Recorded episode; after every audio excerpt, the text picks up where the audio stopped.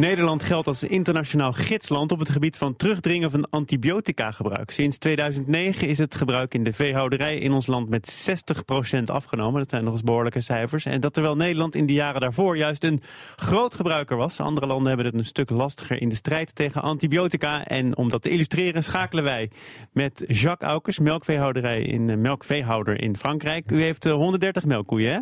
Ik heb 130 melkkoeien, dat klopt. Ja. En uh, in Frankrijk streven ze ook naar het minder gebruiken van antibiotica. De komende jaren moet het met zo'n 15% worden teruggedrongen.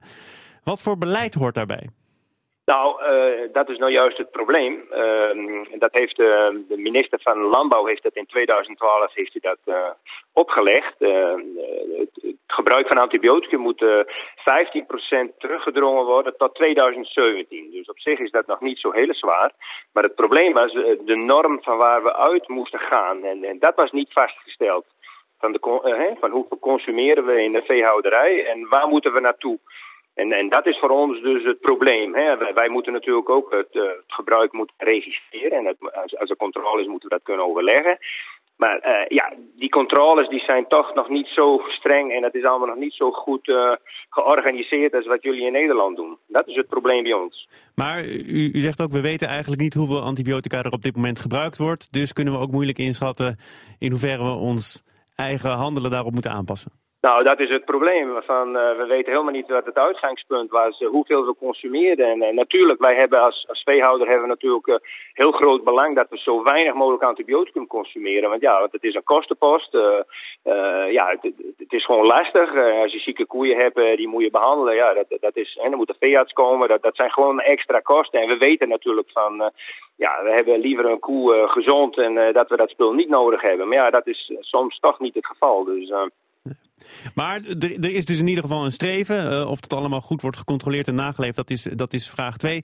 U merkt er weinig van. Er komen geen mensen bij u langs om te kijken hoe u dat aanpakt. Uh, nou, wij worden wel gecontroleerd natuurlijk. Hè. De VS komt dan één keer per jaar om, uh, om eventjes te kijken wat we gedaan hebben. En ja, dan, dan, krijgen we een vragenlijst, die moeten we met hem invullen. En dan zet hij zijn handtekening, zijn stempel erop. En dan kijk je ook in, in een registratie van wat hebben we allemaal geregistreerd. En nou ja, wat we kopen en wat we gebruiken daar, daar, ja, daar, daar, zit eigenlijk geen verband tussen. Dus ik bedoel, we kunnen zoveel kopen als we willen. En hoe we het gebruiken verder is, nou ja, het moet natuurlijk wel goed gebruikt worden. Daar hebben we natuurlijk uh, zelf ook veel belang bij. Want antibioticum is natuurlijk uh, duur ja. als je dat moet kopen. Is dat ook de reden dat melkveehouders in het verzet komen tegen dit streven van de regering om die 15% daling in te zetten? Uh, nee, ze, ze, komen niet in het verzet. Uh, ze willen hier best aan meewerken. Maar ja, er, is nog te weinig helderheid van uh, wat zijn de uitgangspunten, wat wordt er precies. Hè? Er zijn verschillende methodes om het te registreren.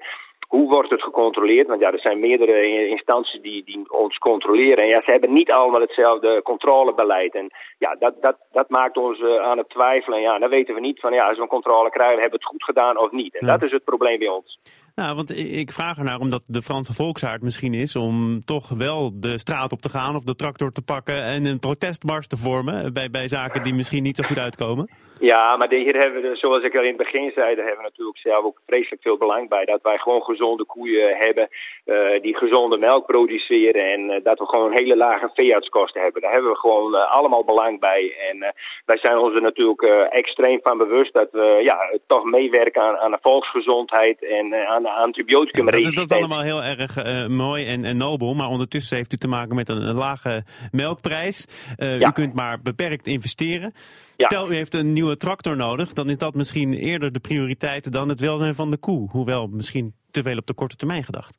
Ja, dat is, dat is natuurlijk een korte, korte termijn gedachte. Van, uh, van ja, we hebben natuurlijk, uh, ik weet het is niet het allerbelangrijkste bij, bij veel boeren, omdat uh, ja, we, de, de veehouders of de, de landbouwers in Frankrijk, ja, die zijn ook door het fiscale systeem, zijn toch gehecht aan veel materiaal op het erf. En ja, dat, dat, dat, dat blijft er wel eens bij om goed te investeren in, het, in de gezondheid en in, ja, in, uh, voor de koeien. Dat is toch, ja, dat, voor ons moet dat toch een prioriteit zijn. Want dat is natuurlijk het anticiperen op, op de ziektes die, die kunnen komen bij, bij de koeien natuurlijk. En, en dan zijn er natuurlijk nog de artsen die er misschien toch wel op enige manier belang bij hebben dat die antibiotica toch wordt afgenomen, ook door die boeren.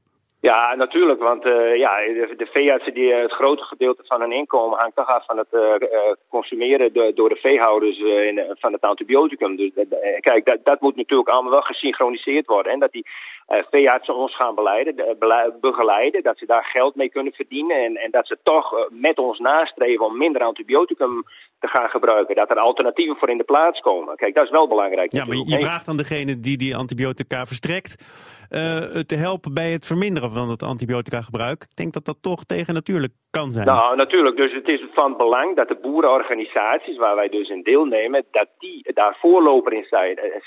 Het, het is aan ons om aan te geven van wij hebben er alle belang bij dat wij minder antibioticum gaan gebruiken. En uh, ja, wat de, wat de veearts zijn probleem is uh, met zijn, zijn verdiensten, ja, dat is ons probleem niet. We hebben hem nodig. Het is natuurlijk mooi dat het in samenwerking kan, maar als dat niet kan, ja, dan zullen we toch dat zelf in handen moeten nemen. Dat is wel belangrijk. Wij vragen uh, iedere week op dit tijdstip aan een Nederlander in een Europees land hoe de situatie er daarvoor staat, ook om te vergelijken met Nederland. Waarom is het Nederland dan wel gelukt om dat antibiotica gebruik zo gemakkelijk en zo stevig terug te dringen? Nou, dat is dus het verschil met Frankrijk. Uh, er zijn uh, meerdere organisaties die zich, die zich met boerenbelangen bezighouden. En uh, ja, wij hebben er toch grote problemen in Frankrijk om uh, ja, dat te gaan synchroniseren. En dat is dus in Nederland wel het geval. Hè? Van, uh, de Nederlanders die zien toch, die dan in de boerenorganisatie zitten, met de boeren zelf, die, die zien daar toch meer belang bij. Van ja, we hebben misschien kleine verschillen, meningsverschillen, maar dat, dat grote belang, hè, de, daar moet je op foca focaliseren. En ja, dat kunnen ze in Nederland veel beter dan dat wij kunnen doen. Hier, hier hebben de, ja, nog meer mensen die hebben te veel eigen belang.